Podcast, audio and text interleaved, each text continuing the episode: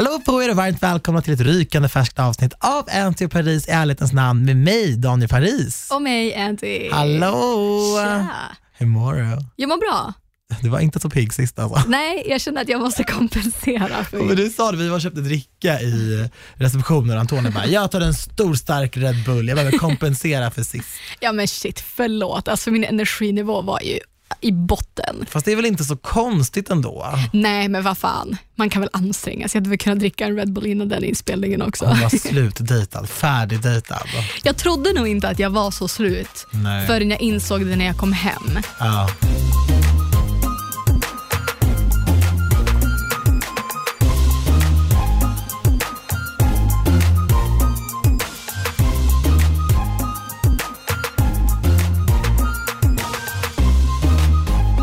Jag kom hem och kände så här, gud idag har jag fan varit cranky. Ja, nej, men jag känner inte att du var cranky, men jag känner att du var lite så här tömd på energi. Men det är väl inte så himla konstigt. Du har haft typ fyra arbetsintervjuer Ja, på raken. ja faktiskt. Det är ganska utmattande.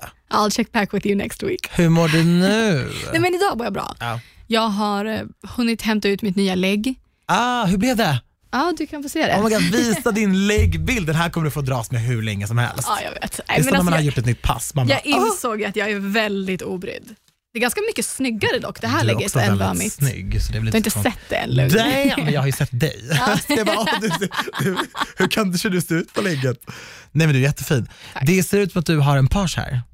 Ja, Ja, för den klipper dig. ja, exakt. Alltså de här ögonbrynen vill man inte bråka med. Alltså this girl she'll cut you but also love you unconditionally. Men det är också för jag försökte ju le lite grann. Hon bara, mm, mm. Nej, nej, nej. Alltså det, man får ju inte le. Men alltså ditt resting bitch face har kommit till en ny nivå. Ja, det, faktiskt- ja, det var väldigt skarpt på den här bilden, men just i svartvitt också. Ja. Och en sån croppad bild. Heter du Anna i mellannamn? Ja.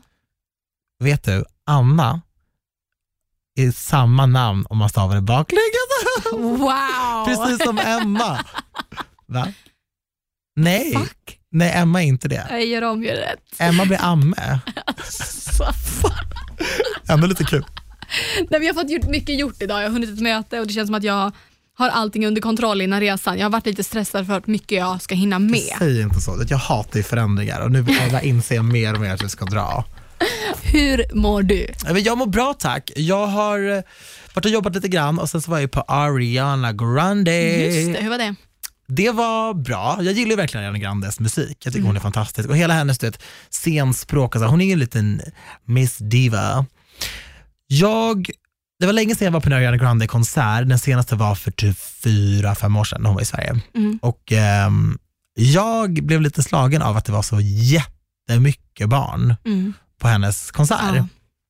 Alltså jag, jag satt bredvid två jättegulliga tjejer som var nio kanske, som var där. Och eh, egentligen så var det väldigt få vuxna. De vuxna som var där var liksom mycket äldre. Och eh, jag har förstått det som att hennes målgrupp är väldigt ung. Mm. Men om man lyssnar på hennes låtar, du vet God is a woman till exempel, som är fantastisk, handlar ju verkligen om att så här, du vet, jag kommer ge dig en natt som kommer få dig att förstå att Gud är en kvinna. Men har inte... Jo, men känns det inte som att den här sexgrejen och hennes kvinnlighet har växt till sig ganska nyligen? Jag blev lite Eller? förvånad över Alltså, den. jag har inte lyssnat på hennes musik generellt. Jag lyssnar inte på henne. Jag vet att hon är fantastisk. Ja. Bland, Rösten är alltså, helt i, sjuk. idag skulle jag ändå säga att hon är bland de mest musikaliska artisterna. Alltså när man hör Mm, henne live och hennes, bara just tekniskt hur duktig hon är. Äh, helt sjukt. Men hon är väl en, ja hon har väl varit känd, så hon var high, nej, Disney. Disney, precis. Att hon har en ung publik därifrån. Det känns lite som att hon har, hon har lite så Miley Cyrus-karriär. Att hon har gått från Ja. Hannah Montana till att nu bli väldigt vuxen och För det börjar ju med att hon sänks upp eh, från ett bord då, eh, där hon och hennes tjejer... Det hur var lite- sänks hon upp med? Nej, nej hon, och, hon sänks hon höjs upp. höjs upp från ett bord och där hon sitter då med sina tjejer, de äter någon slags sista middagen, du vet som den här kända Ah, ja, bibliska ja. bilden. Och eh, liksom gnider sig mot det här bordet med sitt eh, skrev, gör Oj. hon. Och så sjunger hon God is a woman som är fantastisk. Mm.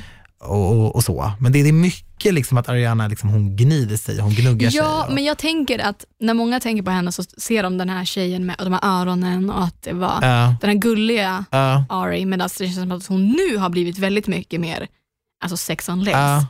Men hennes fanbase kanske inte riktigt har, Har hängt med? Nej, de har kanske inte evolvat i samma takt som hon har gjort. Nej, för jag Men- tänker att Edith, mitt syskonbarn, hon är mitt äldsta syskonbarn, hon är ju snart sex. Ja.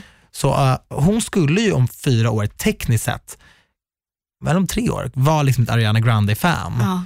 Och eh, ja, då skulle, ju, då skulle vi kanske sitta där, då skulle Ariana komma upp där och gnida sig och gnugga sig och, och så här. Det är klart man, det är klart man får göra det, jag Mm. älskar ju sånt där egentligen. Britney Spears, I'm a slave for you-videon, I was living. Ja. Men jag var också 16-17. Ja. Mm, jag blev lite förvånad faktiskt, av allt sex. Ja. Men jag, det är inget fel, det är inte så att Nej, jag nej. svartshamear Ariana Grande. Alltså, Nej, ju, nej, men det var inte bästa riktigt- jag har sett den där konserten. Ja. Men jag är också 31 ja, fattar. och var där med min vuxna kompis. Och jag satt bredvid tioåringar som hade liksom tjocktröja och höga Ja, ja, Så jag bara, men "Vad det händer?" måste man ändå ge hennes fans, att det är bland de hängivnaste fansen out. jag har Ja, sett i konsertväg. Alltså folk klär sig som henne, folk ser ut som henne och det, hon har ju ändå en ganska child appropriate style ändå om man ska jämföra med många ja andra kläderna är kändisar. fantastiska. Alltså rocka en oversized hoodie och gulliga öron. Ja. Köpte du merch? jag gjorde faktiskt inte det, vi kom Nej. lite sent. Fattar. Mm. Gud, jag, måste, jag har fått så mycket påbackning för att jag säger fattar hela tiden. Det är min nya grej. Du liksom kopplar, roger Ja. that. Ja, precis. Jag måste byta. Jag måste. Du får göra precis som du vill, på samma sätt som Ariana Grande får göra precis som hon vill. Ja, jo. Ja, det var bara något jag noterade. Var hennes Coachella-framträdande också sådär, ooh, grrr. Alltså jag ska vara helt ärlig, jag hade druckit tequila innan Ah. hennes framträdande. Och, Du trodde du var hemma i vardagsrummet alltså? ja, eller snarare på Berns kanske. Men eh, nej, alltså hon lockar inte mig jättemycket Nej. just i musikväg och det vart en hård kväll. Men sen, Ja. koll- Plus att de hade ganska mycket musikstrul. Vilket gjorde att jag tappade intresset. Det var Ah, ju, micken ja. funkade inte när Nicky kom. Det, jag var ju aspeppad på att se, att, för jag Alltså visste att... det, för jag har sett det, jag såg en stream på YouTube Mm, exakt. och det var mycket ljudfel. Jag stod och lyssnade när NSYNC körde, Mm. men sen redan där blev jag besviken när Justin Timberlake inte var med. Ja, det var synd. Och det var inte heller fantastiskt. Alltså det var coolt att se dem, men det var lite så här, ah, I don't know. Och sen så blev det musik, eller ljudstrul och det var lite så här, ah, Nicky var ju kokande. jo jo, och jag förstår det. Ja. Och det är också helt ofattbart att sista framträdandet som ska rappa Coachella-helgen, hon är en av de största rappersen ja, i men, men, världen. he- men hela, Kolla ljudet! Ja, men alltså hela Arianas nummer var det lite strul med. Ja, jag och det är vet. så här, och det- man såg att de så här bara, kolla på varandra och skrattade. Ja, och, bara, och det ska liksom inte gå att hända. Nej. Alltså klart att sånt händer, men inte på Coachella. Nej, Alltså om de kunde klara av Beyoncés framträdande förra året, hon hade ju, alltså, och det var det sjukaste jag sett. om de hade fuckat upp henne så hade de fått stänga ner festivalen. Ja, ja. Hon ja hade men ju typ krävt det. Ja, ja. Så jag var inte jätte där, inte Nej. jättenärvarande på hennes framträdande. Men jag var ju där också på den konserten som var senast i Sverige. Ja. Och eh, där reflekterade jag inte, alltså hon är skitduktig men jag reflekterade inte heller som du säger att det var inte lika mycket Nej, alltså sex och inte lika på, Coachella, på Coachella är också folk vuxna. Ja, jo grej. det är sant. Det är sant. Ja. Och jag hade inte för, alltså, höjt på ögonbrynen om det var att hon låg alltså, naken på scenen. Jag hade bara, ja det är Coachella. det är Ja. ja, där var väl alla men, nakna. eh, men jag fattar hur hur du tänker. Ja. Det är bara medvetenhet som har kommit över mig sen jag fick mer barn i min närhet och jag tänkte Ja. lite så här, oh, wow, wow, wow. Alltså jag tänker ju på vad jag säger Mm. om jag är på middag hemma hos mina föräldrar till exempel. Det var en sån grej att jag kanske inte använder eh, runda ord, det gör jag i och för sig aldrig. Men du vet så här, typ sådana grejer. Och då, då blir det extra att jag sitter och kollar på det här och bara, oh, oh. tänk om den här tioåringen bredvid mig var mitt brors barn. Typ. Ja. Så, ja. Men alltså whatever, det var ju skitbra. Hennes vocals, alltså jag kollade igenom några stories som jag gjorde lite så på måfå Mm. och jag bara, alltså att ljudet i min telefon Mm. är glasklart när hon står och sjunger, när jag är på en arena med 14 000 personer, alltså det är ju helt sjukt egentligen. Ja. Det borde ju vara, det låter ju som en Spotify, som Mm. att jag spelat från Spotify liksom. Ja. Så hon är ju otroligt musikalisk and Ja, hon I en love her. Otrolig artist. Och hon är ju också väldigt mycket show. Ja. Alltså det är verkligen en sån artist som det är värt att gå och se live. Ja, och jag har ju händer. åkt samma tåg, flyg som henne en gång. Jaha. För jättelänge sedan, jag satt och snackade med hennes fotograf, Jones. Jag trodde du sitta och snacka med henne. Jag bara, "Ha, Nej, nej. missed this?" Men hela hennes team satt på rader där vi satt. Jag hade varit på EMAs med MTV och Ariana Grande satt fem rader fram. Så det var. Oj. inte helt omöjligt. Och hon satt längst in i en fönsterplats med två främlingar bredvid sig. De bara, yeah, you know we always go by private jet but it didn't work out this time. Jag bara, och jag kände mig så trygg på det flyget, Antonija. För jag bara visste så här, vi kommer inte störta för Ariana Grande sitter här. Jag fattar. Det var jag, Kinsa, och det roliga, jag sa det till Kinsa när vi av, jag bara, kände du dig också trygg? Hon bara, jag visste att vi inte skulle dö Daniel. Jag bara visste det. Ah shit. Men du, ingenting kommer hända dig heller på flyget hem. På Jag är inte flygrädd faktiskt, Nej. så it's fine. Men alltså, har du varit på någon ansiktsbehandling eller något? Nej, Det, det jag tänkte på när det kom, det ser så jävla fräsch ut. men jag har en ny, jag använder en ny foundie nu. Ah. Det är en så här, stick foundation Okej. som Hailey Bieber gör reklam för så jag sprang inte i butiken. Jag fattar, men det känns inte, det är inte en foundation jag tänker på. Det ser så fräsch ut. Jag strålar när jag ser det.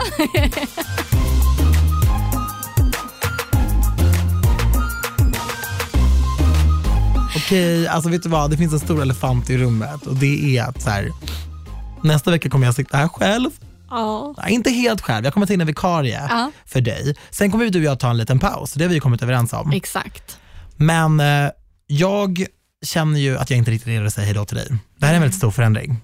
Det är ju det. Folk har ju frågat vad händer med podden när jag drar och vi har gemensamt kommit överens om att det blir svårt att hålla den vid liv Ja. när jag är så långt bort med Mm. tidsskillnaden och då kände vi att ja, men det blir en liten paus. Man vill inte heller göra någonting halvdant och bara här, haspa ihop någonting. Hellre att man väntar då. Liksom. Exakt, så vi kände att ja, vi tar en liten paus.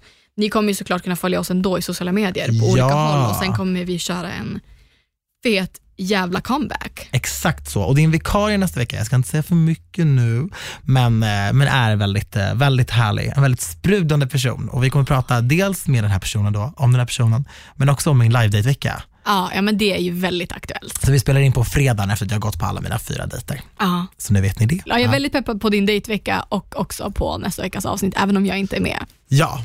Ja, men lite på det här spåret tänkte vi att poddens avsnitt skulle handla om. Mm. Förändringar. Mm, det här ordet, det här ordet. En gång i tiden så jobbade jag på radio tillsammans med Ola Lustig och då sa han det, män hatar förändring. Är man i relation med en man och vill göra om hemma, då säger man inte älskling det är dags att göra om lite, utan när de har kommit hem från jobbet då ska det bara vara omgjort.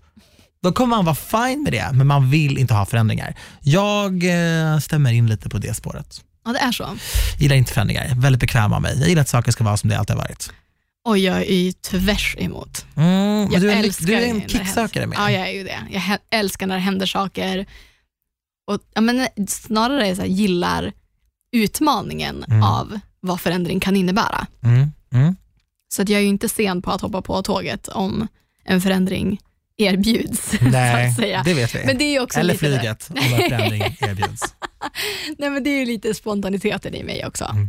Och också, jag ser det som, ja men mycket av mig ser det ju som ett äventyr och som en utmaning. Men det är det som är så kul också, att du är så. Alltså Mm. det gillar man ju med dig. Men jag, jag för mig, jag, vet, inte, jag är bekväm alltså.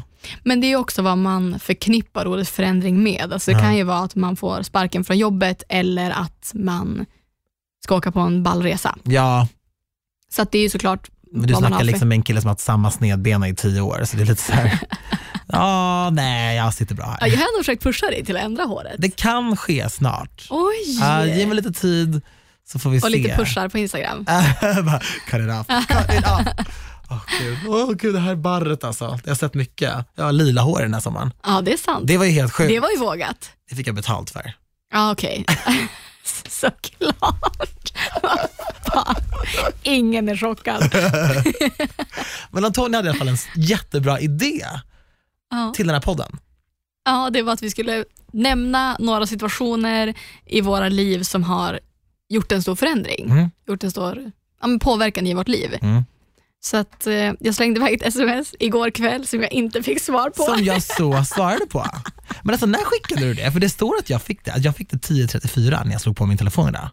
Ja, men du stänger ju av telefonen när du går och lägger dig. Ja, men du måste ha skickat det klockan 03 typ. Nej, kanske vid 12? Ja men då sov jag. Jag var iväg Jag förstod det, för det skickades som sms. Och jag var helt däckad. igår. 00.23 skickade jag det. Ja då sov jag. Ja, jag fattade det. Till 10.30. Alltså gud den här mannen var trött. Men jag tyckte det var en skitbra idé. Jag var helt säker på att jag svarade bara fan vad bra. För jag tänkte säga fan vilken bra grej. Ja. Jag tänkte att du tänkte tvärs emot. Jag bara, ja vi wingar väl då. Jag tyckte det var asbra. Ja, men vill du börja med din första? Ja, det kan jag göra. Eh, Min första grej som var bra det här året hände i början av det här året. Okej. Eh, i, nämligen, närmare bestämt i januari. Mm. När jag gick på Ellegalan. All right. Och då tänker ni så här, Ellegalan, really? Men grejen, det är inte riktigt som, jag har varit på Ellegalan förut, men det som hände var att jag fick en inbjudan till Ellegalan och blev jätteglad såklart. Så tänkte jag så här, ah, jag ska köra på min smoking och på en, en skön backslick och jag ska liksom verkligen så här passa in med det här fina folket och känns som att det, det har varit så himla viktigt för mig att passa in i den här mediebubblan så himla länge med alla coola kändisar och sådär. Och jag, hade, jag kollade till och med på vad jag skulle hyra för smoking och kollade med min frisör, vad kan du göra liksom en backslick för att alltså jag, jag kan inte göra någonting med det här kaos persiska krullet som jag har. Liksom. Och sen när det började närma sig så kände jag bara så här, mm, jag vill typ inte gå. Jag började få ångest över Ellegalan och kände så här, ah gud, kommer det, jag kommer typ inte ha så kul. Det kommer vara, alltså jag var inte så taggad och tänkte så här, vad, vad är det som skaver? Jag var ju hur glad som helst när inbjudan landade i min brevlåda. Mm. Det handlade om att så här, för mig var det, jag var så trött på att försöka passa in, för jag har gjort det i så många år. Så jag bara, jag kommer gå på Ellegalan, absolut, det ska bli skitkul. Men jag ska göra det här på mitt sätt. Mm. Så jag började kolla, så jag hörde, hörde av mig till en kostymör som jag jobbat lite med, som heter Mattias Lavesson, som gör headpieces. Jag bara, du har du någon sån här sjuk huvudbonad? För jag hade kollat på hans hemsida, så jag hade sett en, så skickade jag, jag bara, typ den här. Han bara, ja. Jag bara, okej, ska vi göra något? Vill du göra något? Så han bara, det är klart vi ska köra liksom. Bokade den, gick och kollade så lite outfits, jag bara, jag kommer inte ha en kostym, jag vill inte ha en kostym, jag är så trött på att ha kostym när jag inte ens är en kostymkille. Så går och hittar en helt fantastisk lång kappa, den var second hand. Och när jag sa det till folk så var det bara så här, du kan inte ha second hand på Ellegalan, du kommer liksom, folk kommer garva åt dig, du kommer aldrig bli tillbakabjuden. Så här, vad, vad sysslar du med? Jag bara, jag går inte på den här galan utan jag får vara mig själv, för jag orkar inte passa in mer. Jag är trött på det här. Och duger inte jag, då ska inte jag vara bjuden. Jag är bjuden som mig, inte som kostym-Daniel. När fan är jag kostym? Sällan. Nej men aldrig, jag hatar det liksom. Så tog jag på mig den här liksom second hand-frocken och gick dit med min galna grej och var bara så här, nu gör jag det här och fick bara så mycket positiva ordalag. Och de som gjorde min, eh, min outfit, då, den här eh, långa second hand-grejen, då, det är Stadsmissionens egna varumärke som heter Remake. De vann pris på Ellegalan. Ah, jävlar vad skön känsla det Så helt vara. plötsligt sitter jag där i ett hav av kostymnissar och har på mig en award-winning designer som vann pris på den galan. Ja. Så helt plötsligt är ju jag the shit i Ja. ett hav av kostym. Och jag tror att det var så här universums, jag hade ändå känt mig så himla nöjd för jag älskade min look. Mm. Men jag tror att det var så här universums lilla sätt att säga till mig att så här, det lönar sig att vara sig själv. Mm. Det lönar sig att vara autentisk. Och jag har inte varit mig själv i så många år. Jag bara kände att så här, ja, jag behövde det där. Ja. Och efter det var jag bara, det var som att jag var så fri. Jag la upp den bilden igår och bara, igår var jag fan prom queen och prom king på en och samma gång. Who cares? Alltså Ja. kom som du vill. Gå som du vill till Ellegalan, gå som du vill till jobbet, gå som du vill till skolan. Alltså, no matter gay, straight or bi. Alltså gör vad du vill. Jag kände mig som Lady Gaga. Jag fattar Det var det. väldigt så här, cathartic, renande. Ja. Så därför skrev jag upp det.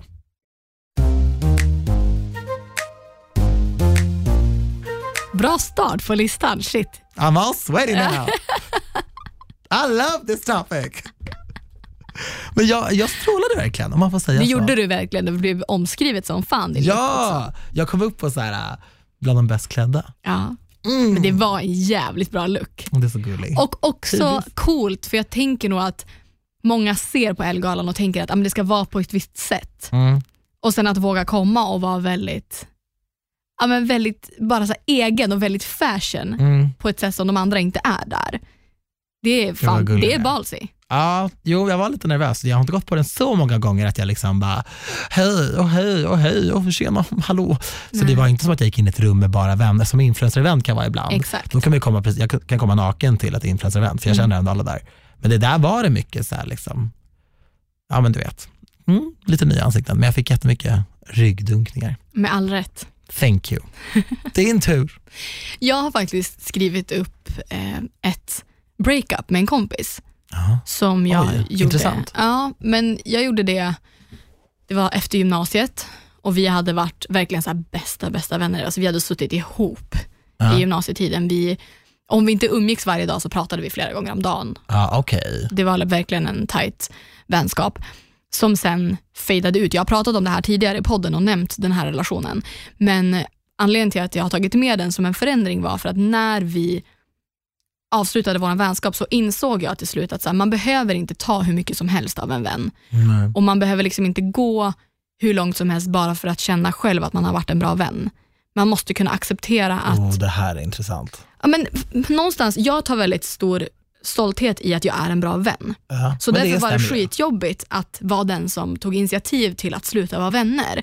Även om jag under en ganska lång period hade känt mig ja, men, isidosatt och att jag var den enda som försökte. Och liksom känt mig ganska, men jag var ledsen över det och det kändes jobbigt att vara den personen. Att behöva be om uppmärksamhet från en bästa vän. Mm. Och då att vara den som så här bröt av det, det var skitjobbigt för det var ju ändå ett breakup, vi umgicks ju inte efter det och det var skitjobbigt. Men, men det fick mig att inse att man behöver inte ta hur mycket skit som helst bara för att det är en kompis. Nej, uff. Ja. För att man kan, man, mycket kan man försvara med att men vi är ju kompisar.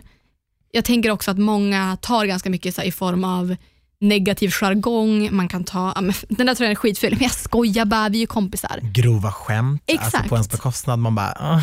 hade det varit en främling som sa det där hade jag blivit så lack. Exakt, man försvarar och håller sina vänner så mycket om ryggen. Att, att just den situationen fick mig att inse att där, jag vet att jag är en bra vän, men jag behöver inte ta att någon är en dålig vän mot mig för att överbevisa vem jag är i en vänskap.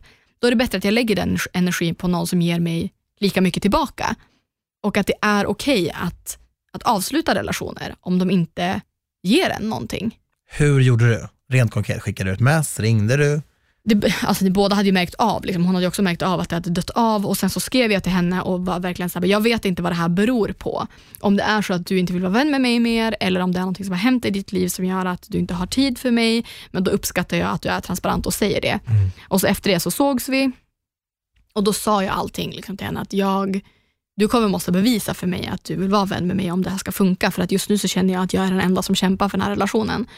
Och det var väldigt, vi båda blev ledsna och pratade om det och bestämde att men vi ska inte sluta vara vänner utan vi fortsätter umgås och hon skulle bli bättre på ja, vissa saker och hon, det var vissa saker hon tyckte att jag skulle bli bättre på. Så att vi hade ett bra snack och sen så efter det så blev det ändå ingen förändring från hennes sida.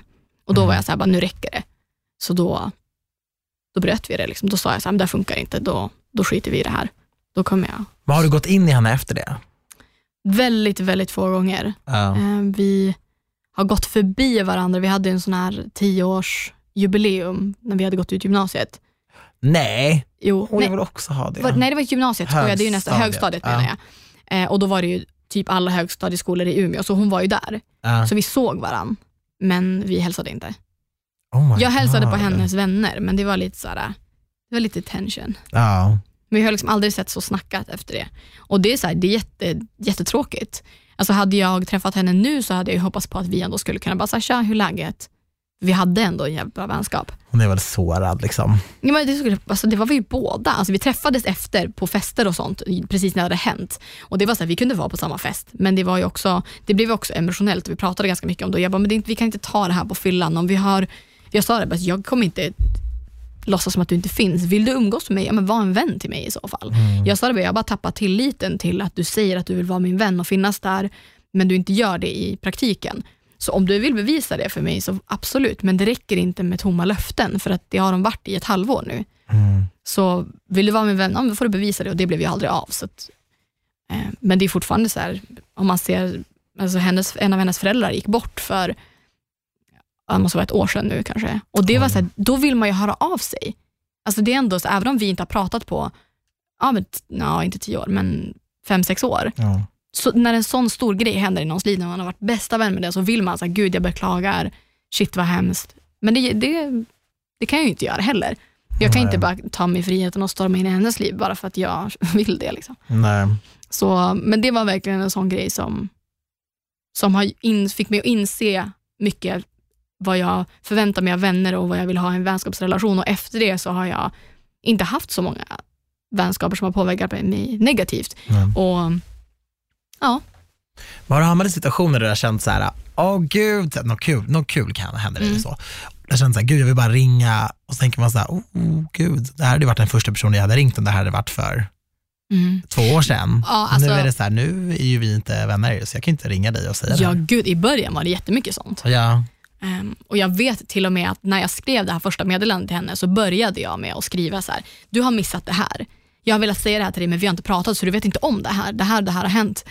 Och, och det var lite så här, jag vet inte om du bryr dig överhuvudtaget, men det är saker som jag har velat säga till dig. Och ja, så det är klart att det var så, men sen är jag glad att jag hade andra vänner som fanns där för mig. Ja. Så att det var liksom inte min enda vän och att jag blev utan, för då hade det säkert blivit ännu jobbigare. För det kan jag verkligen, alltså vi har fått många sådana meddelanden genom vår podd, Mm. våran poddkarriär, att jag har, det här är min liksom enda vän och om jag är slut med henne eller honom så har jag ingen. Det där är så tufft. Och det jag har är haft en liknande sån situation. Alltså. Det blir också att man bara håller i den här dåliga kompisen. Ja. Men man får tänka att man gör det för sin egen skull. Mm. Att man måste värna mer om sig själv och inte låta någon annans ja, men, handlingar påverka en alltså, och få en att tro att det är det man själv gör eller så här, hur, man, hur man själv är. Nej. För det har inte med det att göra. Så kan jag tänka mig att det är förhållanden också, att så här, man skyller mycket på sig själv om en partner behandlar en illa. Att man tar på sig skulden och tänker att det är på grund av mig. Men det är, alltså när man inser att det inte är det, det kommer bli sjukt mycket lättare med mycket i livet. Men det här är ändå en, en stor händelse i ditt liv som du, du har valt att skriva ner den på listan. Mm. Ja. Så då var det ju rätt beslut. Mm. Det är svårt det där alltså. Svårt med relationer ibland. Mm. Det gäller att få till dem. Mm.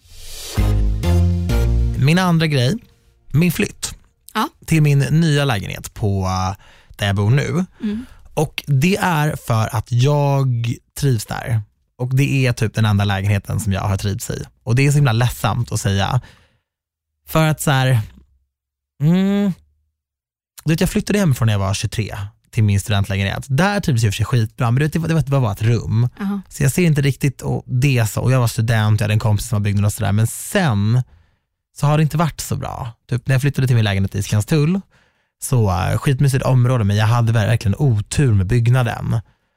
Och du vet, jag fick så här, knacka på mina grannar jättemånga gånger för att jag hörde hur den här mannen bara skrek på sin fru och alltså, det var, alltså det, var, det var så pass att jag kände mig tvungen att som medmänniska knacka på och fråga om allt var okej. Mm. Och du vet, så här, det var så här, han söp väldigt mycket och du vet, det kan bli lite stelt sen när man går in i varandra i, i Ja. brevlådan. Ja, Alltså, jo det var liksom inte den bästa miljön för mig. Det var mycket skrik, mycket stök.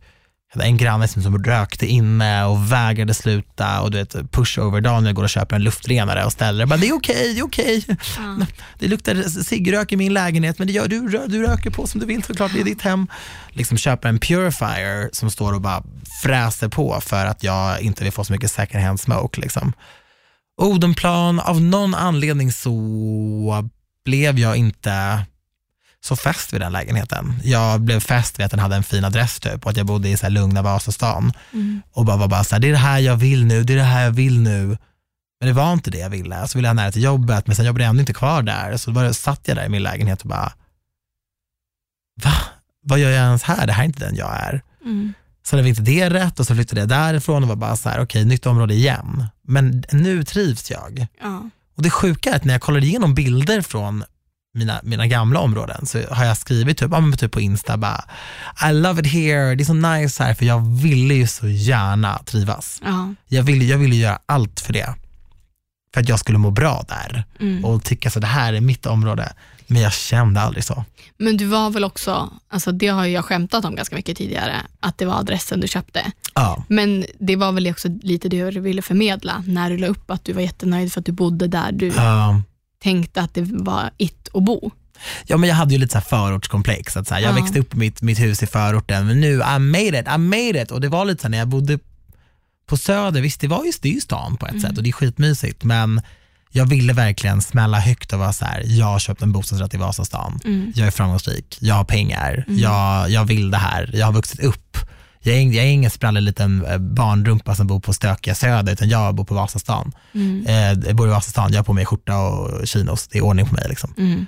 Men så här, for what? Alltså så här, varför vill jag sen imponera på folk jag inte känner egentligen? Ja.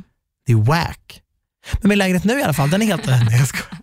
Nej, men det är du- högt i tak, fräsch. Alltså det, jag behövde det, för mitt psyke behövde det. Liksom. Men känner du att du, har, att du inte har samma tänk nu eller sitter där fortfarande kvar? För att du har ju fortfarande du bor ju fortfarande på en fin adress. Ja, Och- men det är ju för att jag vill. Ja. Och den där byggnaden, för jättelänge sedan, den byggnaden som jag köpte i nu, när jag bodde i min studentlägenhet, då var jag och hälsade på min kompis Ragg, med min kompis såklart. Jag åkte inte dit och bara hej hej gubben. Eh, och då, han bodde där och bor kvar där. Och då kom jag att jag gick in där i hans tvåa som ser exakt likadan ut som min tvåa, men han bor längre upp den jäkeln.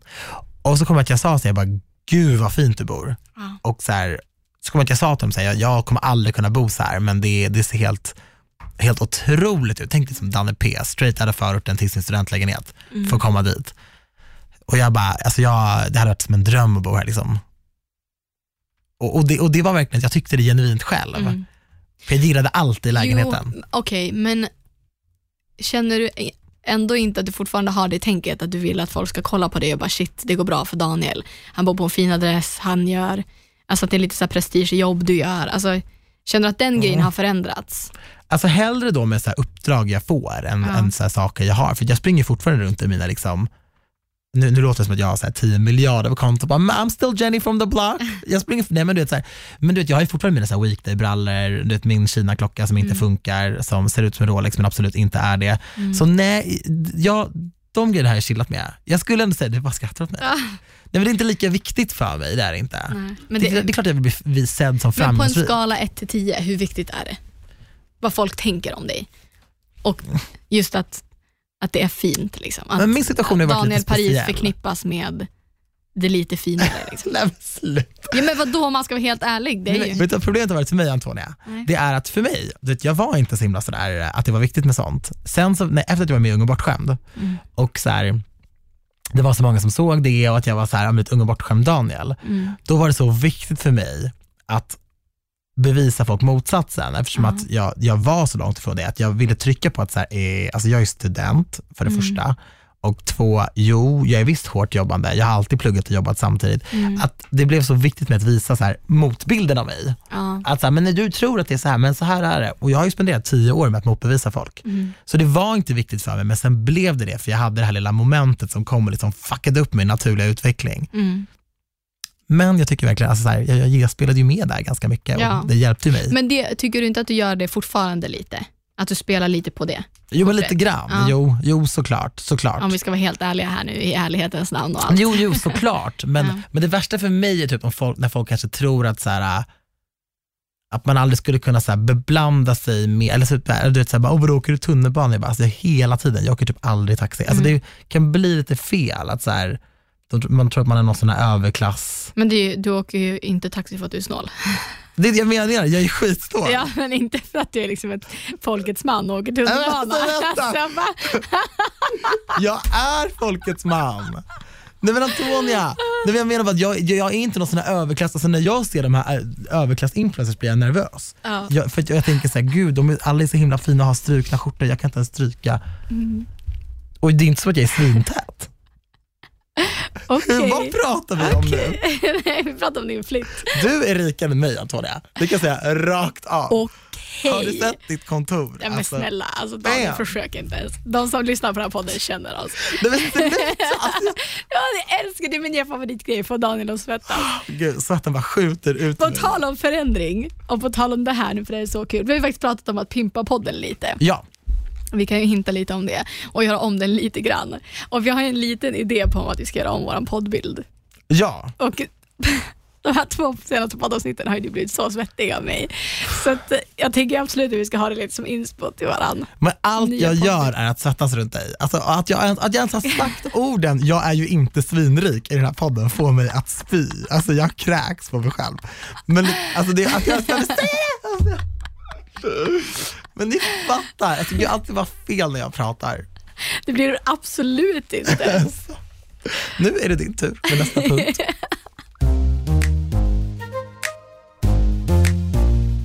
Ja, jag har skrivit upp när jag gick på en pressträff med trean och trean-gruppen. Och jag tackade ja till det här lite i sista minuten och gå och representera ett program som vi spelade in på Via Free. Och den morgonen, det var regnigt, det var en grå dag. Det jag var inte, vaknade inte med inspiration i ådrorna. Och jag kände så här, nej, jag går inte idag. Alltså jag var så oinspirerad och det var inte heller jätteviktigt, alltså det var inte så att jag hade skrivit kontrakt på att jag skulle vara där eller det spelade någon roll om jag, eller klart det gjorde, men ja, ja det var en sån morgon, jag bara nej jag sjukanmäler mig. Gud, du bygger upp det här väldigt bra kan jag säga. Ja, jag kände i alla fall så nej jag vill inte idag. Och sen så ja, knackade väl arbetsmoralen på axeln och bara lägg av, gå upp ur sängen, duscha, kom igen, nu drar vi. Och Arbetsförmedlingen. Oh, vi kommer till det. Okej, det är din historia. Shh, Daniel, shh. Så jag gick på den här träffen och ja, man sitter och lyssnar på vad som kommer hända på hösten, vilka program som kommer presenteras och ja, men lite så här, man, sitter, man, man sitter och väntar mycket, man sitter och lyssnar och sen kommer det journalister och frågar lite grann. Så vi hade några få journalister som kom och frågade oss om det här programmet som vi hade varit med i och sen så kommer det en tjej från, som jobbar med Paradise och börjar droppa, del, hon bara, jag ska börja droppa deltagarna för, för hösten. Eh, eller våren, jag minns faktiskt inte när i tiden vi är. Men eh, jag bara, men shit gud vad kul, så här, vad, kan jag få se? Hon bara, oj jag visste inte att du var ett Paradise-fan. Och fast forward så fick jag jobbet på Studio Paradise. Så Och- kul. Det är lite så att två flugor i en smäll att faktiskt göra saker. Inte Mm. så skita i det bara för att man är lite trött den dagen. Alltså, trött är alla någon gång på dagen. Mm. Alltså, och vill inte. liksom. Och Många gånger kan den känslan ta över. Att nej, jag pallar inte idag, jag stänger in mig. Och Nej. också den grejen att säga sina, men så här, yttra sig om vad man vill göra och sina drömmar. För man vet aldrig vem man kommer träffa och vad andra människor kan göra för dig. Gud, man ska verkligen prata högt om sina drömmar med Ja. alla. Jag har sagt att jag vill leda Melodifestivalen. Jag har sagt det till min, alltså alla i alla forum. Ja. För you never know. Nej, så den grejen är verkligen så sånt stort exempel på att, så att ta tag i sig själv. Vad fan, palla. Du pallar, det gör alla människor. Och också bara så här, säg. Våga säga det. Och det värsta som kan hända är att ah, det händer ingenting. Ja. Eller så säger man det till helt jävla rätt person Mm. och så får man, ja, men går en dröm i uppfyllelse. Det är verkligen, det har vi pratat om i podden också, att, här, att ta tag i sitt eget liv, ta tag i sin egen lycka. Ja, Men så här, var kapten. För det kommer inte bara hända, saker Nej. händer inte bara. Och man kan låta sitt liv bara puttra på eller så tar man tag i rodret. Ja. Och det är klart att det är Men- så enklare för vissa. Alltså det är ju också Mm. privilegierat att kunna säga det för att jag har fått ett drömjobb. Liksom. För att jag har velat, ja, eller att du kunde komma upp i sängen, att du mår bra, ja exakt. så här, sådana exakt. saker. Men man måste ju jo, bara jo, prata men, ur våra egna erfarenheter. men det ligger är ju verkligen, alltså. jättemycket i det du säger. Ja. Och Det var ju verkligen så in, inkörsport till att få börja jobba med Nent. Och Det har ju hänt jättemycket med mig, både som person och inom min karriär, genom att få det här första jobbet. Mm. Fått jobba med TV för första gången, med en produktion för första gången, köra live första gången. Mm. Alltså jag vet inte hur mycket jag har Studio Paradise att tacka och det teamet Mm. för hur mycket jag har lärt mig på mitt jobb. Alltså det märker jag. Live är bästa skolan. Ja. Ja, Hundra- och det händer man så kan göra mycket. allt efter det. Ja, ja, nej, alltså jag vet, jag grät efter första livesändningen. Mm. Alltså när jag kom hem, jag grät så mycket för att jag var så självkritisk och det hade hänt lite så små missar. Det var inte värsta grejen, men det var Nej. Mm. fruktansvärt jobbigt. Och bara tänka att så här, jag har hållit på med YouTube hur länge som helst, bla bla, jag, jag kan vara framför kameran. Men bra, alltså chilla. Ibland har jag fan obefogad hybris i vissa sammanhang. Gud, Man ska ha det. Jo, jo, men det var verkligen så jag trodde att det inte skulle vara några problem. Liksom. Men Alltså, det var problem. ja. Men jag har lärt mig så mycket och jag är så tacksam mest för alla fel som har gått. Liksom. Mm. Så ja, nej, den grejen är verkligen en sån grej som har hänt i mitt liv som har förändrat väldigt, väldigt mycket. Ja. Så ja, det är väldigt tacksam att jag gick på den här pressträffen även om det regnade. Ja, och tips till er där ute som vill höra mer om det vi, vill veta mer om det vi pratar om. Se Sliding Doors, det är en gammal klassiker, jättemånga Mm. Har säkert redan sett den, men alltså se den igen. Mm. För det är verkligen så här, där får man se huvudpersonen, hon går igenom, hon missar tunnelbanan liksom. Och det är det som ska vara de här sliding doorsen. Så får man se vad som hade hänt om hon hade kommit på tunnelbanan kontra om hon hade stannat kvar. Ja, Och eh, det händer en hel del i den filmen, men det är verkligen så. Jag har haft så många sliding doors moment. Ja, Ung och bortskämd som jag nämnde tidigare, det är ju ett av dem. För det skulle inte, jag hade inte tid att tacka ja till det, jag var student. Och var bara så här, visste inte riktigt vad det var, så här, vad är det här ens, det hade inte gjorts innan. Men jag, menar, jag har ju också det att tacka för jättemycket, såklart. Gud, bra grej, fick lite rysningar i din story. Du körde den på live dit också. Ja, Det var många som frågade dig. Ja, men det är ju många som undrar det. Alltså, Ja. Generellt, varenda gång jag är live på Instagram så frågar folk om det. Och, Jag frågade dig för jättelänge sedan, alltså bland det första jag frågade dig, bara, hur kom det sig att du men det är ju spännande. Ja. Alltså jag tycker också att det är skitspännande att få veta lite hur folk har hamnat där de har hamnat generellt Mm. i livet oavsett vad man jobbar med. Alltså hur kommer det sig? Ja, exakt. Stökig PO-säsong har du haft nu också. jo tack.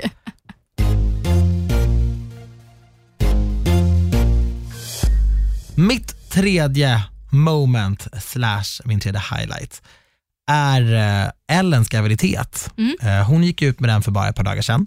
Ja. Eh, och, men jag har vetat om den under en längre tid. Ända sedan hon fick reda på att hon var gravid för, ja det var ju flera veckor innan hon gick ut med det såklart. De gick ut med det ganska tidigt dock, men ehm, superkul såklart. Men det är inte bara graviditeten som har fått mig, som får mig att sätta det här på listan, utan det är, det är väldigt mycket runt omkring det också. V- vår dialog har varit väldigt så bra och väldigt fin kring det här. Mm. Och ja, ni som följer mig, ni som har lite koll, ni vet ju att jag hade som en liten, jag, jag har ganska mycket kompisar generellt. Ja. Och ett tag så hade jag lite som en squad, en ganska, ganska omedvetet. Vi var menar, fyra som sågs väldigt mycket. Mm. Och det blev väl så att man så här, la upp, det blev ju som att vi var en liten squad, fast vi, vi kallade oss inte för det. Men vi var väl det antar jag. Ja. För, Ehm. för oss som var utifrån så såg man det så. Ja det Så kändes verkligen säga. så. Ja. Ja. jo men det skulle jag väl säga. Eh, och sen så, och alla vi, jag tänkte säga alla vi var singlar, men vi var ju inte, Ellen var ju i relation då också.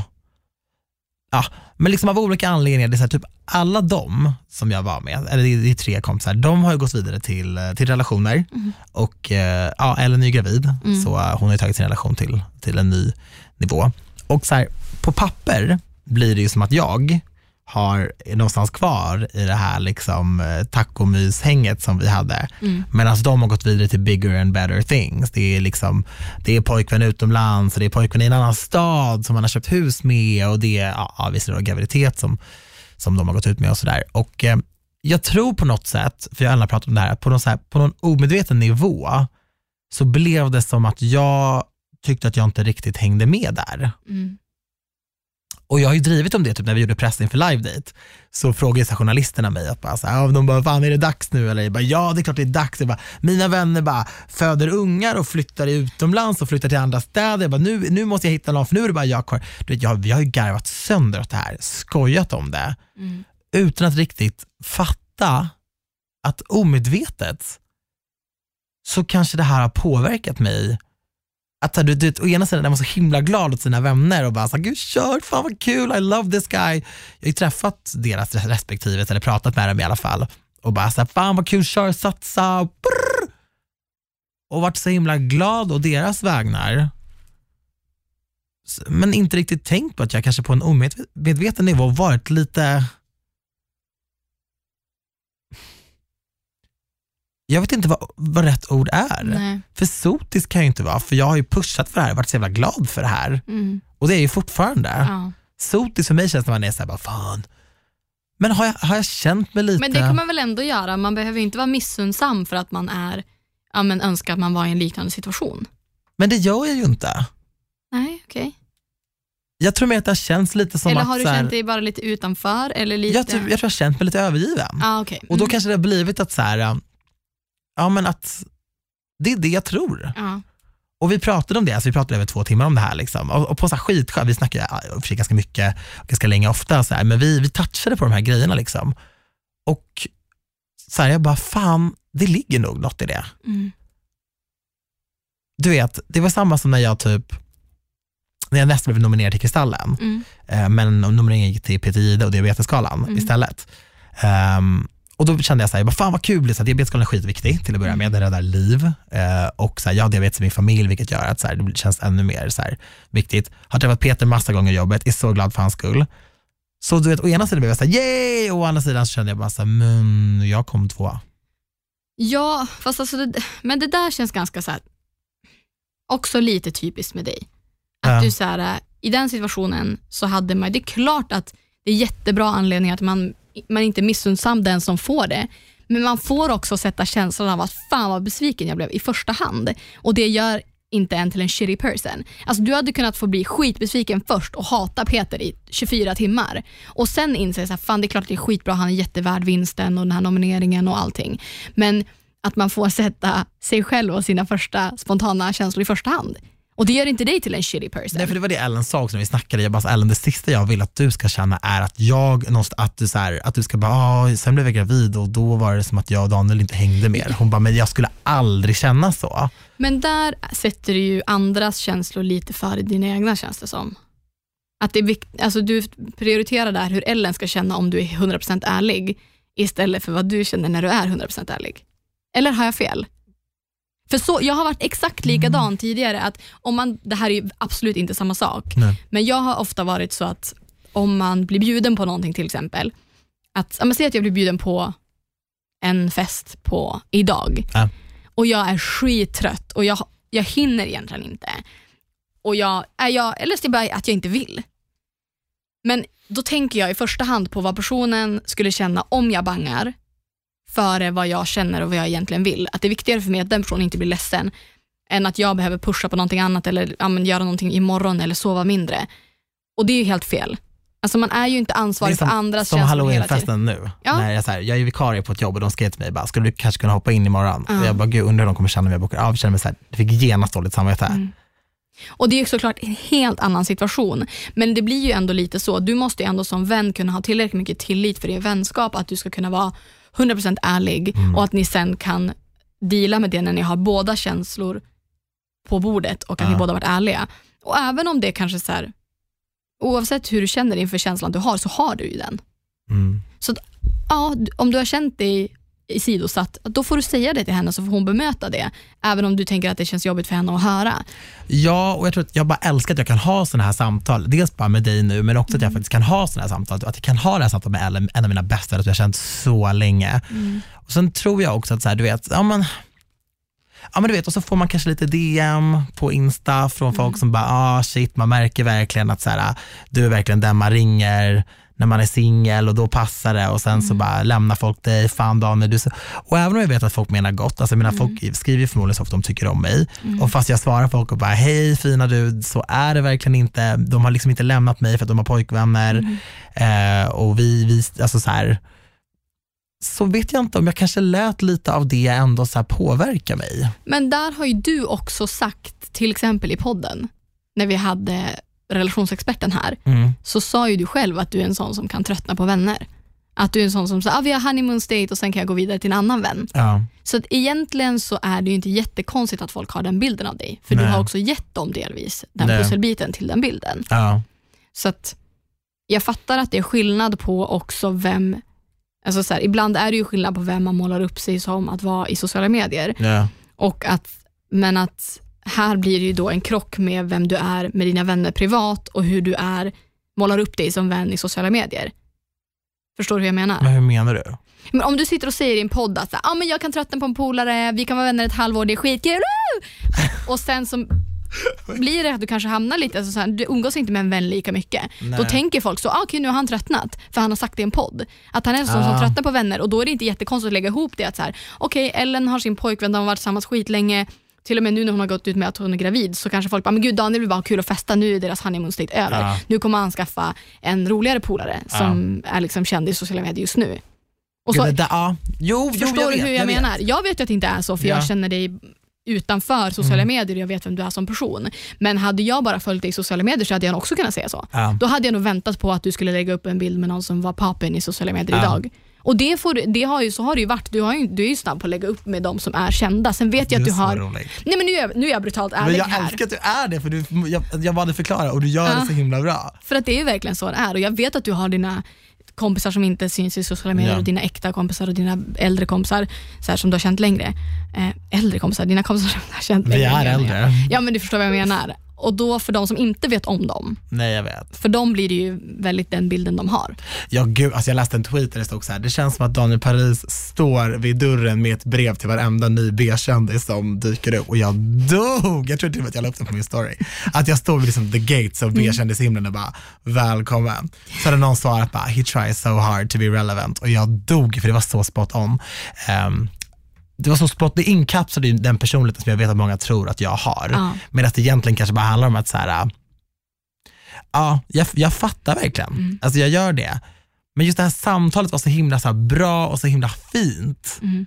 Och, eh, och det satte nog ord på känslor som jag inte riktigt visste att jag hade, Nej, för att vara ärlig.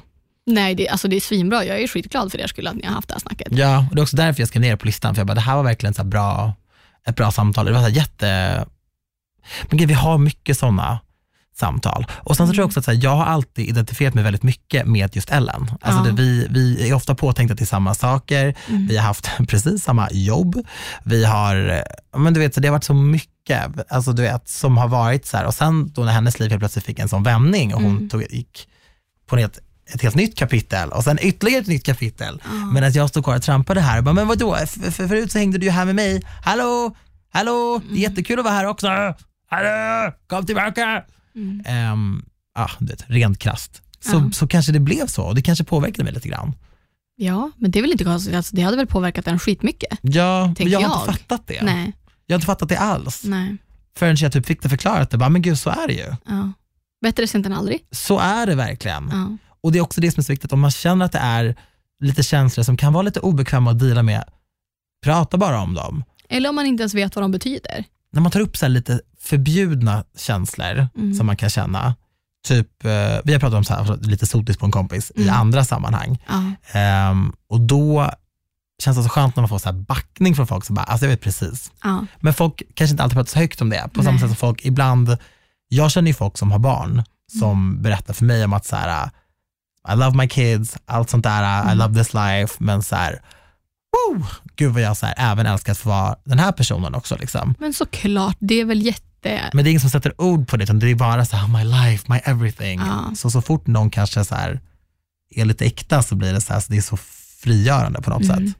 Ja, men det är ju det är också lätt att man blir matad med i film hur enkelt det kan se ut Ja. att ha liksom barn, man har jobb, man har fritidsintressen Ja. och hur allt bara går ihop för att det är film eller det är sociala medier. Livspusslet som bara flyter på medan Ja. mitt pussel är så här, vart är ens bitarna? Nej, men snälla, man fattar väl att så här, en, en influencer som har barn, när man ser så här, det ser så härligt ut, vi går och tar en latte och vi går på barnvagnspromenad. Men barnet har ju garanterat kräkts 150 gånger innan de gick på den här promenaden. Du har säkert så här, tappat ditt kaffe, du har bränt dig när du har värmt. Alltså du vet, det är klart att livet oavsett vilken situation man är i så har man skitdagar. Mm. Men i sociala medier och film och serier så är det ju väldigt enkelt att måla upp det som att det är fantastiskt och skitenkelt. Och då blir ju det man har själv om man sitter där och precis har fått barn och bara, jag suger på det här. Vad fan, det ser så jävla lätt ut för alla andra.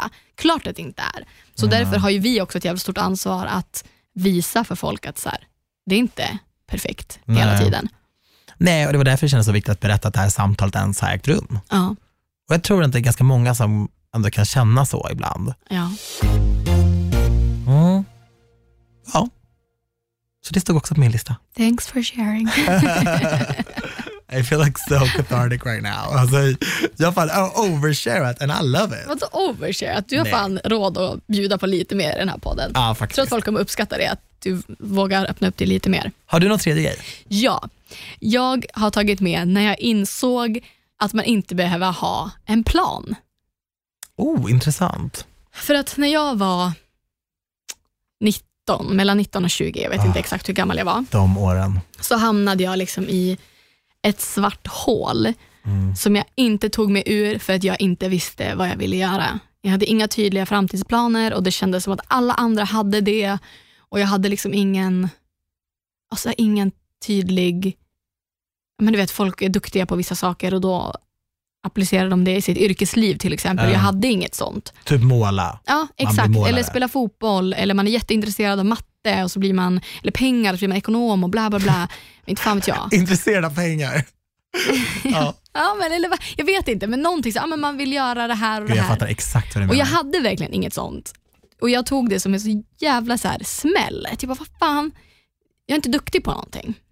Eh, och det tog jävligt hårt på mig för att det var ja, men den tiden man också man försöker hitta sig själv och man identifierar sig ganska mycket med vad man gör. Och sen så bara, vad fan, måste man ha så jävla tydligt mål då? Kan man inte ta det första jobbet man får när man söker allt som ligger ute på Arbetsförmedlingen? Mm. Jo, det kan man. Mm. Och sen får man se var fan man hamnar. Och jag har fortfarande lite det tänket. Att så här, "Ja, jag ska dra till LA i två månader, vad händer när jag kommer hem? Ingen jävla aning. Det är klart jag har ett jobb att falla tillbaka på. Jag jobbar ju med sociala medier, men fortfarande, jag vet inte vad jag kommer göra om två år. Nej. Och det är så här, det kommer kanske dyka upp något skitkul, eller så gör det inte det. alltså, det är så här, man behöver inte veta.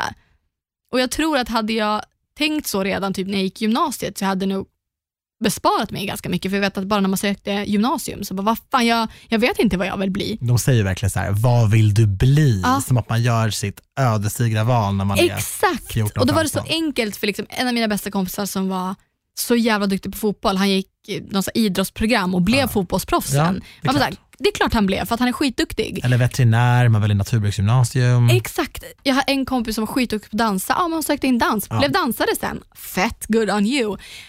Och så, eller någon som var skitsmart och var asduktig på matte. Ja, han blev också något så här jättecredit som, ja, jag kommer inte ihåg. Gumman, samhällsprogrammet. Ja, men, Ja. Eller typ så här natur. Man bara, okej men jag då? Jag, Sök SAM. Alla som är som du är, de söker till SAM. Jag gjorde också det. ja, nej, men, och så satt jag där och jag också hade också det här, bara, vad kommer jag in på? Och det gjorde ju också lite att så här, ja, jag hade inte jättemånga, jag hade inte så dåliga betyg, men jag hade inte toppbetyg. Ehm, så det var lite så här, jag vet inte. Och de frågade, men, men gud, vad, vad vill du göra då? Vad vill du bli? Fuck do I know? Ja, alltså, jag vet inte ens vad jag vill ha på mig på morgonen. Jag vet inte vad jag ska göra efter skolan. Vad jag Alltså, vill käka till lunch. ja, hur ska jag veta vad jag vill jobba med om fem år? Skämtar du med mig? Mm. Så ja, men jag, det känns väldigt skönt att ha, slippa den stressen och jag tror att, alltså jag, helt ärligt så kudos till de som är unga idag. För att jag tror att Ja. de har så jävla mycket mer press på sig själva, stress från alla olika håll. Men jag vill i alla fall säga att oftast så löser det sig. Och man behöver inte ha så jävla tydlig plan på vad man vill göra. Alltså jag har hoppat bland sjukt många olika jobb och jag har aldrig haft en tydlig plan. Mm. Och nu är jag här. Och jag har Look det jävligt gött. Hey. Det är ju så. ja.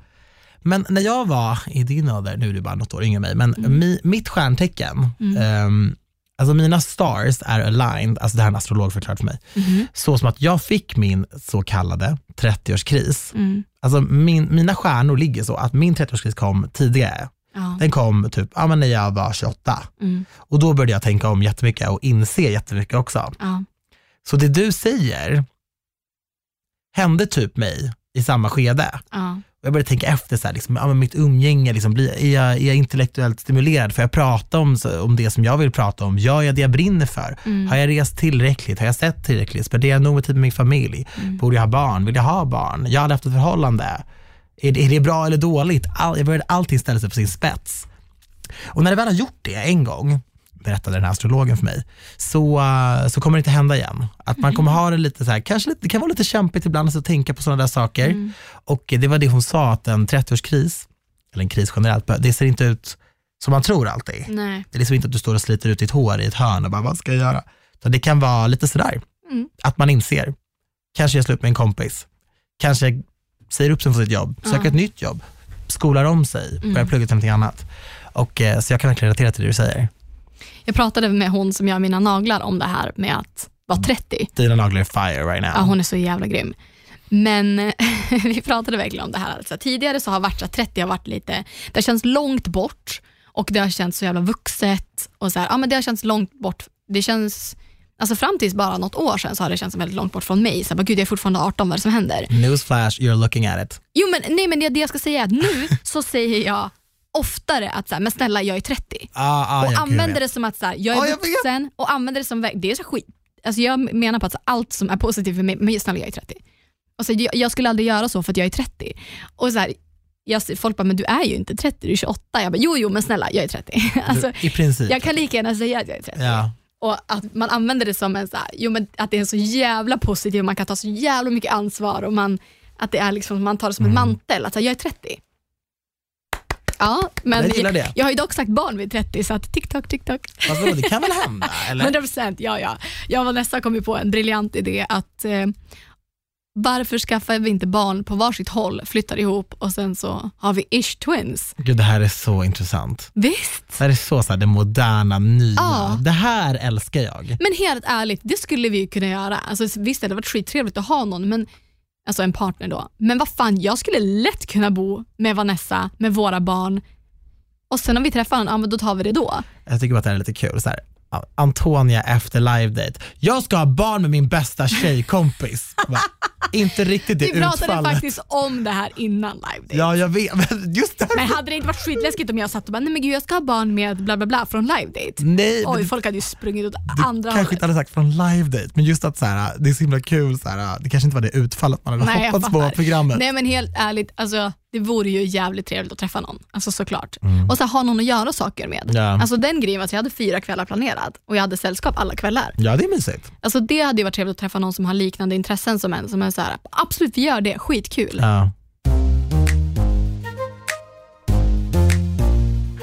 På tal om live date Mm. så har ju Marvin skrivit till mig nu. Ja! Ja, och han har sagt att det går jättebra att komma och hänga på hans båt. och hans ö hoppas jag. Ja. Att jag älskar honom. Ja. Nej, alltså jag måste ändå säga, jag är så jävla glad för den här veckan och nu när det har sjunkit in lite grann så är jag väldigt tacksam för den erfarenheten och också som, men som jag sa innan, det har verkligen avdramatiserat för mig att gå på dejt.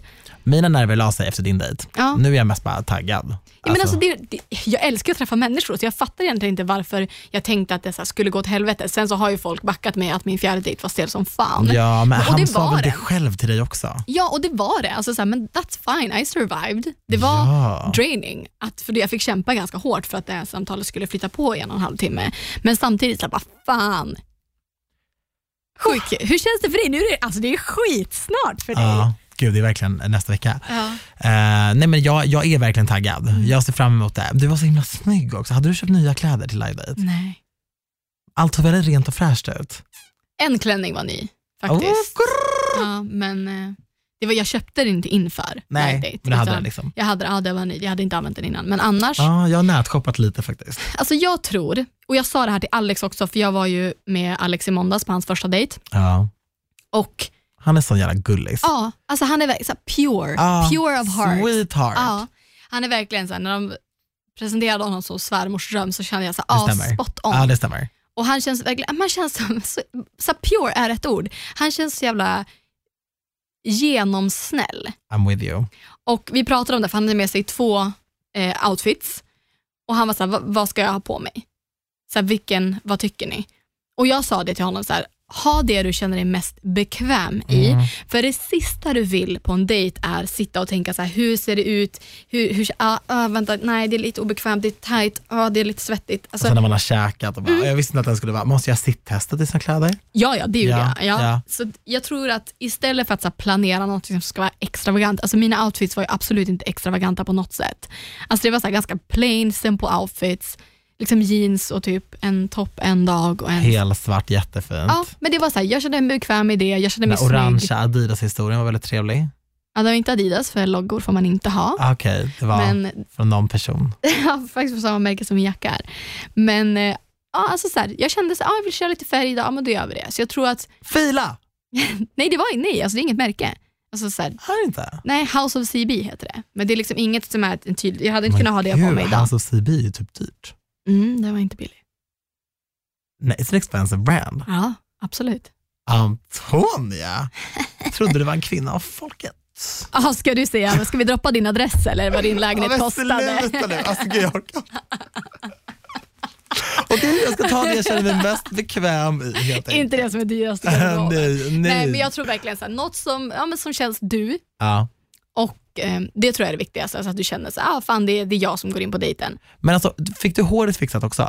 Du kan få det, jag fixar Men du det gjorde själv. allt själv? Ja, men du Håret kan snyggt. få det fixat. Ja. Men jag tror att om jag vill ge dig ett råd, ja. Så gå in som Daniel, Ja. inte som Daniel Paris. Nej, det är det. Man ska nog inte sitta i en sminkstol då. Man ska nog bara komma som sig själv. Ja, men smink, det menar jag inte. Det kan du absolut göra. Men jag menar när du sitter på dejten, tänk inte att du ska underhålla. Nej. Eller att du ska vara liksom, att folk förväntar sig någonting av dig. Alltså de som har sökt det här programmet vill träffa dig. Okej. Och nu menar jag min kompis Daniel. Ja, Ja. jag ska inte göra TV. Nej, tänk inte på att göra TV. För Ja, att men, folk ja. vill se det. Folk har verkligen skrivit det till mig, att det är så jävla kul att få se dig i det här formatet för att man har inte gjort någonting liknande och det är ju jävligt ärligt och naket. Ja, Alltså det är verkligen man är fluga på väggen på någon annans dejt. ja. Och då, det är ibland såklart att jag ibland spexad och kollade in i kameran och fattade att när jag satt och snackade med mig själv att folk skulle tycka att det var kul att titta på. Ja. Men jag är ju sån som person. Alltså så här, det, är inte, det är inte långt ifrån mig att göra en sån grej. Men du har även... också en förkärlek för folk som tittar in i kameran. Du är ju lite PH-deltagare. Jag vet, jag älskar det. Men det är också så här, men när jag kollar på programmet själv så känner jag att det där är jag. Ja. Och det är ingenting som skulle kunna som hände på de här dejterna som inte skulle kunna hända i verkliga livet. Nej, nej, men det kände jag faktiskt också. Det så skulle man plocka äkta. bort kamerorna så skulle jag ändå vara tramsig och kanske slänga någon löjlig kommentar till någon servitris typ. Mm. För att jag är så som person. Och då har jag, ja, men när folk har verkligen sagt det har varit fint att få se dig i det formatet och fått se den här sidan av dig. Och det uppskattar jag som fan. Att folk verkligen har fått se någonting mer av att se det här programmet. Inte bara så här, ja det är ännu ett datingprogram eller ett program som man vill provocera fram pinsamma situationer. För det var inte pinsamt. Alltså, så här, det är inte det programmet vill. Alltså, drömmen för programmet är väl att någon skulle bli tillsammans med någon av dem man har dejtat. Mm. Så jag menar, jag vill ändå att folk ska ha det i åtanke att tanken med programmet är inte samma tanke som med Hemliga beundrare eller Middag med mitt ex. Att man vill inte ha samma utfall. Nej, det här känns lite mer avskalat. Liksom. Lite, lite mer äkta. Ja men det är därför det är så. live. Ja. Alltså det, så och inga ju. synkningar och sådana grejer. Nej. Och det är, inte, det är inte så att Ola står där och försöker prov- provocera fram att man ska säga någonting taskigt om den andra personen för att man ska få garva i tv-soffan. Utan det är så här, För vi visste Hur inte känns- hur det skulle vara riktigt. Nej, det är ett vi helt var ju lite så format. här, ja det kommer typ kanske vara det du beskrev. ja. Men eh, nej, det känns väldigt äkta. Okej, ja, men det ska bli kul. Så det är nog mitt bästa tips tror jag. Och ha kul, vad fan. Det är, Ja, det är en, kanske once in a lifetime. jag hörde ju med Kus. Hot shots, hot shots, hot shots. Jag bara. Och så är det Alex första dejt också. Bara, får man ta in cocktails? Nej, det var igår. Det var igår. Får Alex andra dejt. Det får man ju. Får man ta in cocktails? Det var jättekul. Jag bara, that's my kind of gal. Det får man. Får man. Åh gud, alltså nu, nästa vecka så ses vi inte. Nej, shit, vi kommer inte trä- alltså, Nej, alltså podden och jag kommer inte träffas förrän om minst två månader. Ja. Jag drar! Gud, alltså jag önskar dig all lycka på den resan. Ah, shit. Du kommer ha så, så, så kul. Uppdatera mycket Jag lovar, och ta hand om dig nu. I'll be safe. Or I'll do my best. Gud, jag gillar inte sånt här. Sådana här avsked tycker jag inte om. Men det är inte vårt avsked. Nej, jag vet. Nej, jag vet att det inte är det.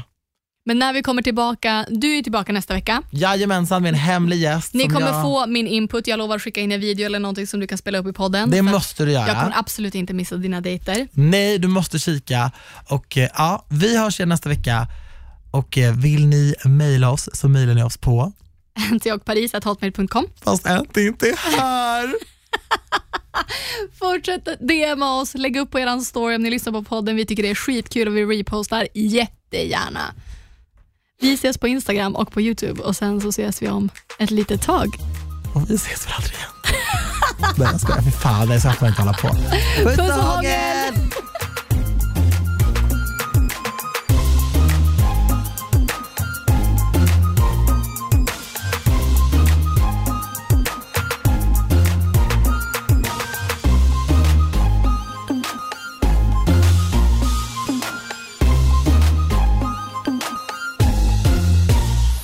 Produceras av I Like Radio. I like radio.